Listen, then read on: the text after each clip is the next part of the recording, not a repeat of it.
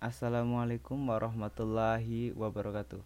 Perkenalkan, nama saya Yunisar Amirul Haq, mahasiswa Universitas Ahmad Dahlan dari Prodi Ilmu Komunikasi. Sebelumnya, selamat datang di podcast saya, namanya podcast punya Nisar. Uh, mau bahas apa kita di podcast ini? Kita bahas teori interaksionisme simbolik. Kenapa sih bahas teori interaksionisme simbolik? Ya, karena emang ini tugasnya maka kita kerjakan uh, kemudian apa sih teori interaksionisme simbolik itu jadi teori interaksionisme simbolik menurut Max Weber adalah tindakan sosial yang dilakukan oleh individu didorong oleh pengha didorong oleh hasil pemaknaan sosial terhadap lingkungan di sekitarnya. Makna sosial diperoleh melalui proses interpretasi dan komunikasi terhadap simbol-simbol di sekitarnya. Tetapi sosiolog yang pertama kali menggunakan istilah interaksionisme simbolik adalah Albert Blumer.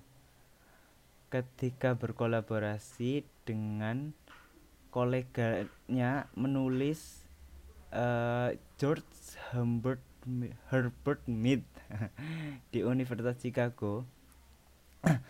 Istilah interaksionisme simbolik dikembangkan. Si Mead atau George Herb George Herbert Mead kemudian menulis buku berjudul Mind, Self, and Society yang membuat teori interaksionisme simbolik dikenal luas di kalangan intelektual Amerika dan Eropa.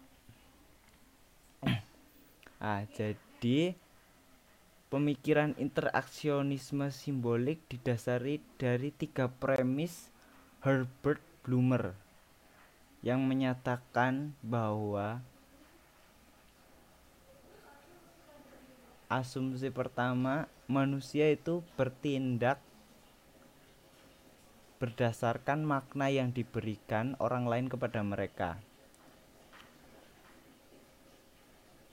Jadi manusia itu bertindak terhadap sesuatu atas dasar makna yang dimiliki benda-benda itu bagi mereka.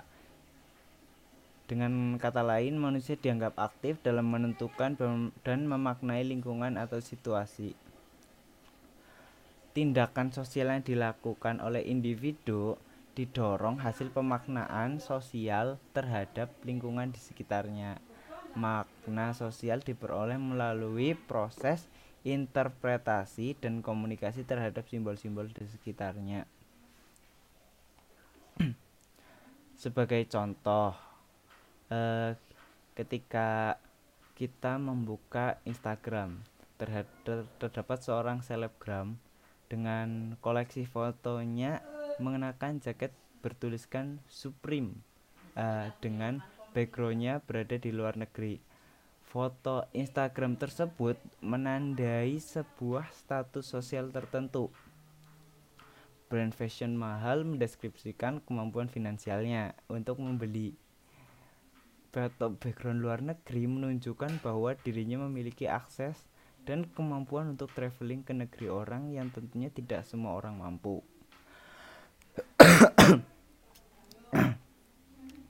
Nah, tanda tersebut merupakan simbol yang digunakan untuk berkomunikasi dan menyampaikan pesan pada orang lain. Melihat foto semacam itu di Instagram merupakan tindakan dengan penggunaan simbol dalam uh, mendeklarasikan identitas semacam inilah diriku wis dengan supreme dan foto luar negerinya. Nah kemudian uh, contoh uh, di kehidupan sehari-hari kita uh, contohnya ketika kita pergi ke SPBU kita mengantri itu kita menginterpretasikan interpretasikan interpretasikan bahwa diri kita adalah pelanggan. Sedangkan uh, orang yang mengisikan kita bensin itu adalah pegawai SPBU maka ketika kita mau ditanya mau isi berapa kita akan uh, mengatakan jumlah nominal atau eh, berapa liter. Sebagaimana biasanya. Kemudian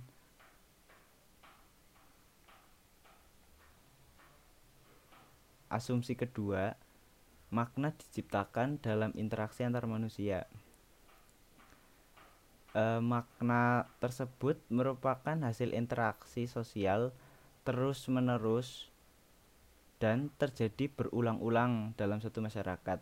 Makna pada suatu tanda yaitu objek peristiwa atau gagasan e, tidak melekat pada tanda tersebut tetapi merupakan hasil dari negosiasi e, atau persetujuan bersama atau semua orang setuju lah akan hal itu. Mudahnya seperti itu. E, ketika kita berpikir sebagai pelanggan maka kita berperilaku dan bertindak sesuai peran yang kita sebagai pelanggan. Peran sebagai pelanggan dan juga pelayan restoran pemilik restoran dan sebagainya secara uh, konstan dikomunikasikan sehingga berlangsung dalam interaksi sosial proses interaksi sosial tersebut menciptakan makna yang sama tentang apa itu pelanggan, bagaimana harus bertindak, apa itu pelayan, bagaimana harus bertindak dan sebagainya. Makna tentang bagaimana menjadi pelayan atau pelanggan adalah produk konstruksi sosial. Makna sensitif yang diciptakan individu sebagai basis perilaku tindakan sosialnya individu diasumsikan bertindak lebih berdasarkan apa yang diyakininya, bukan berdasarkan apa yang secara objektif benar. Apa yang diyakini benar merupakan produk konstruksi sosial yang telah diinterpretasikan dalam konteks atau situasi yang spesifik. Hasil interpretasi ini disebut definisi situasi. Sebagai contoh, tindakan orang merokok adalah fakta objektif yang fakta objektifnya menunjukkan ilmu medis menyatakan bahwa rokok berakibat buruk bagi organ tubuh. Bahkan di ormas Muhammadiyah diharamkan karena banyak buruknya daripada baiknya.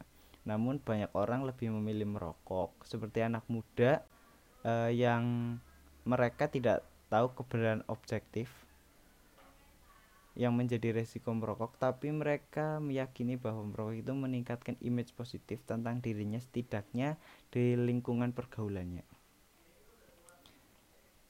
kemudian asumsi ketiga makna dimodifikasi melalui interpretasi e, mak asumsi ketiga makna tersebut diperbarui melalui proses penafsiran yang digunakan oleh setiap individu dalam keterlibatannya dengan objek yang dihadapinya. Berdasarkan premis tersebut, maka makna dapat berubah sesuai dengan konteks dalam ruang dan waktu yang membingkai interaksi.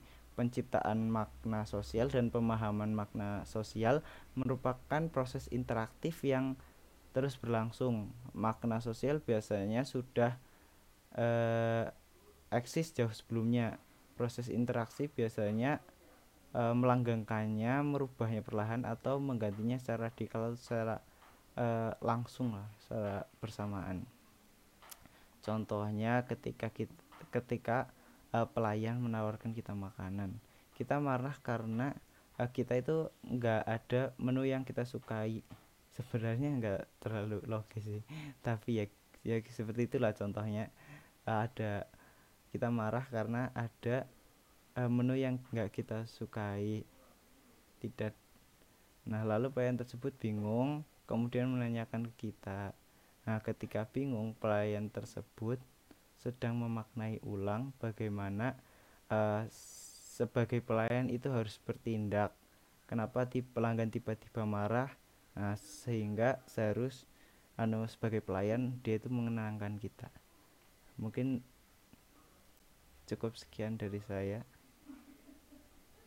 Apabila banyak kesalahan mohon dimaafkan wassalamualaikum warahmatullahi wabarakatuh